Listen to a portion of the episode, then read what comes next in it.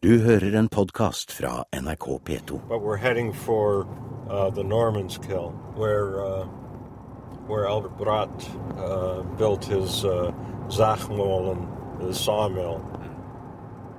Now take a good look. Uh, we can pull over up here. Oh, look at Yeah, and there you see his Cargill, and I think the fort was right there. Yeah,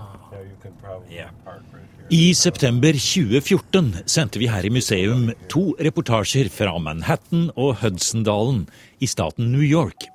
Programmene handlet om kolonien Ny-Nederland, som ble etablert av det hollandske vestindiske kompaniet tidlig på 1600-tallet.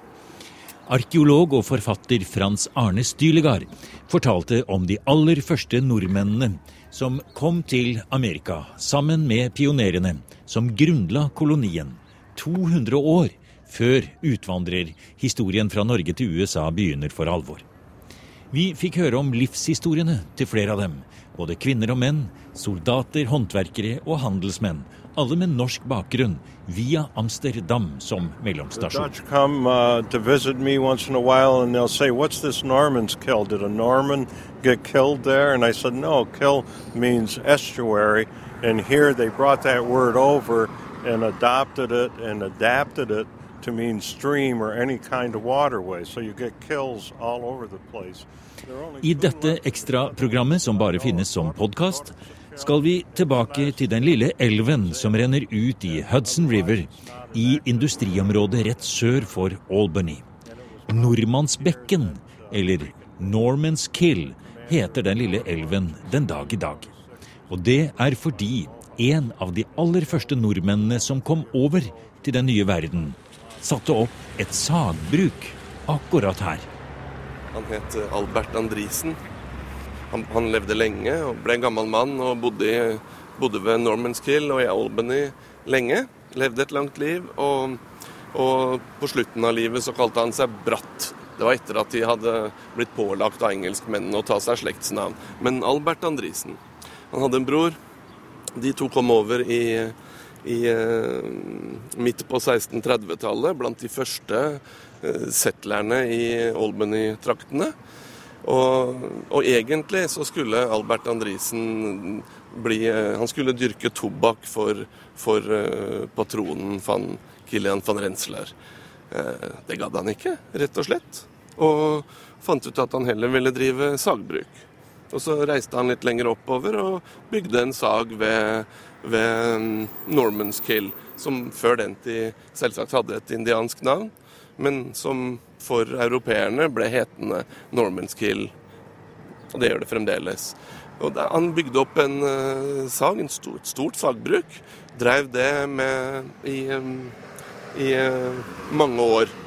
Og, og var en Han må ha vært litt av en type. Særlig, særlig Albert må ha vært litt av en type.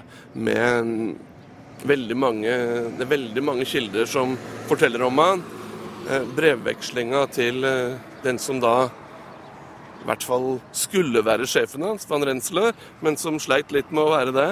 Han, han har mange henvisninger til denne, og han får, han får nærmest uh, støtteerklæringer fra kolleger som sier ja, og så har du jo denne, denne Albert Andrisen, som vel ikke er en spesiell enkel kar å ha med å gjøre. Nei, han er noe for seg sjøl, hører vi. Og dette er i 1637-38. Han var noe for seg sjøl. Han eh, kom over med kone, han kom over med en, eh, en barneflokk, og han får mange barn. Han har, øh, han har et stort hushold, og han, gjør, han tjener mye penger, relativt mye, og han gjør ganske som han vil. Alle refererer til han som nordmannen. Eh, Nordmennene blir familien hans bare kalt i Albany. Så enten så er han fra Fredrikstad, eller i hvert fall fra Østfold, eller så er han fra ukjent sted i Norge, men har kommet via, via Hatt et opphold i, i Friedrichstadt. Det er helt umulig å si. Og Uansett hvor han kom fra, så er han altså nær sagt udødeliggjort ved dette stedsnavnet i Albany, eh, og ved denne elven som renner ut i Hudson River her. Men eh, hvordan gikk det med eh, denne mannen som var fra en av de to Fredrikstadene? Eh, altså, du har fulgt ham i kildene, og du har allerede sagt at han var litt av en type. Han var litt vanskelig å ha med å gjøre. Han var egenrådig, som vel si, Man måtte vel nesten være det for å være pioner på 1600-tallet ute i disse traktene sammen med indianerne, hadde jeg nær sagt. Ja, det, det, måtte man antagelig. Han er ikke den eneste. Sant? Jeg tror flere av disse jeg tror flere av disse, disse, som har satt spor i kildene, nettopp fordi kildene er det kildene er, veldig mye rettsdokumenter, så er det de mest kranglevorne og kanskje mest typete som, som, som vi veit mest om.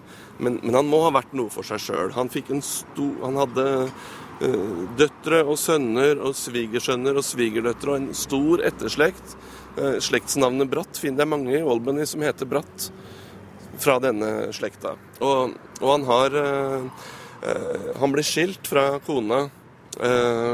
Det fins det fins nesten fra første stund i, i kolonien så, så fins det brevveksling og rapporter som sier at han, han er ikke spesielt snill. Han, er, han, plager kona, og han plager ungene. Og til slutt så blir han da skilt fra kona. Kona krever å få skilsmisse. Det er den første skilsmissen i staten New York. Det er jo for så vidt interessant. Litt trist med bakgrunnen, men litt interessant. Og, og, han er heller ikke noe snill med barna. Og når han blir, når han blir gammel, når han blir det som i dag ville ha vært eh, pensjonist, så, så, er det faktisk en egen rettssak om eh, mellom eh, eh, Altså Arvingene, en hel haug av dem, går til eh, myndighetene i kolonien og sier at dette orker vi ikke, det er ingen av oss som orker å ta oss av han. Og, og så da Så finner da retten en grei ordning for at han likevel skal få seg et uh, utkomme.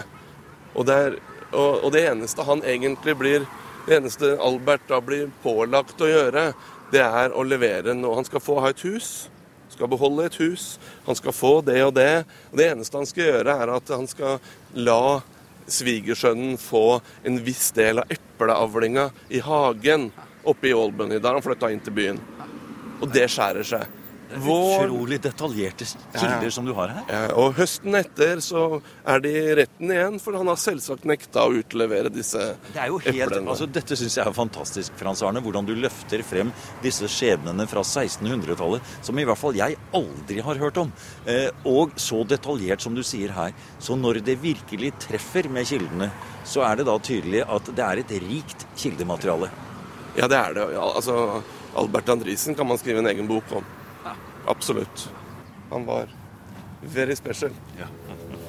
Du har nå hørt en podkast av programmet Museum fra NRK P2. Og send gjerne en e-post til museum.krøllalfa.nrk.no. nrk.no.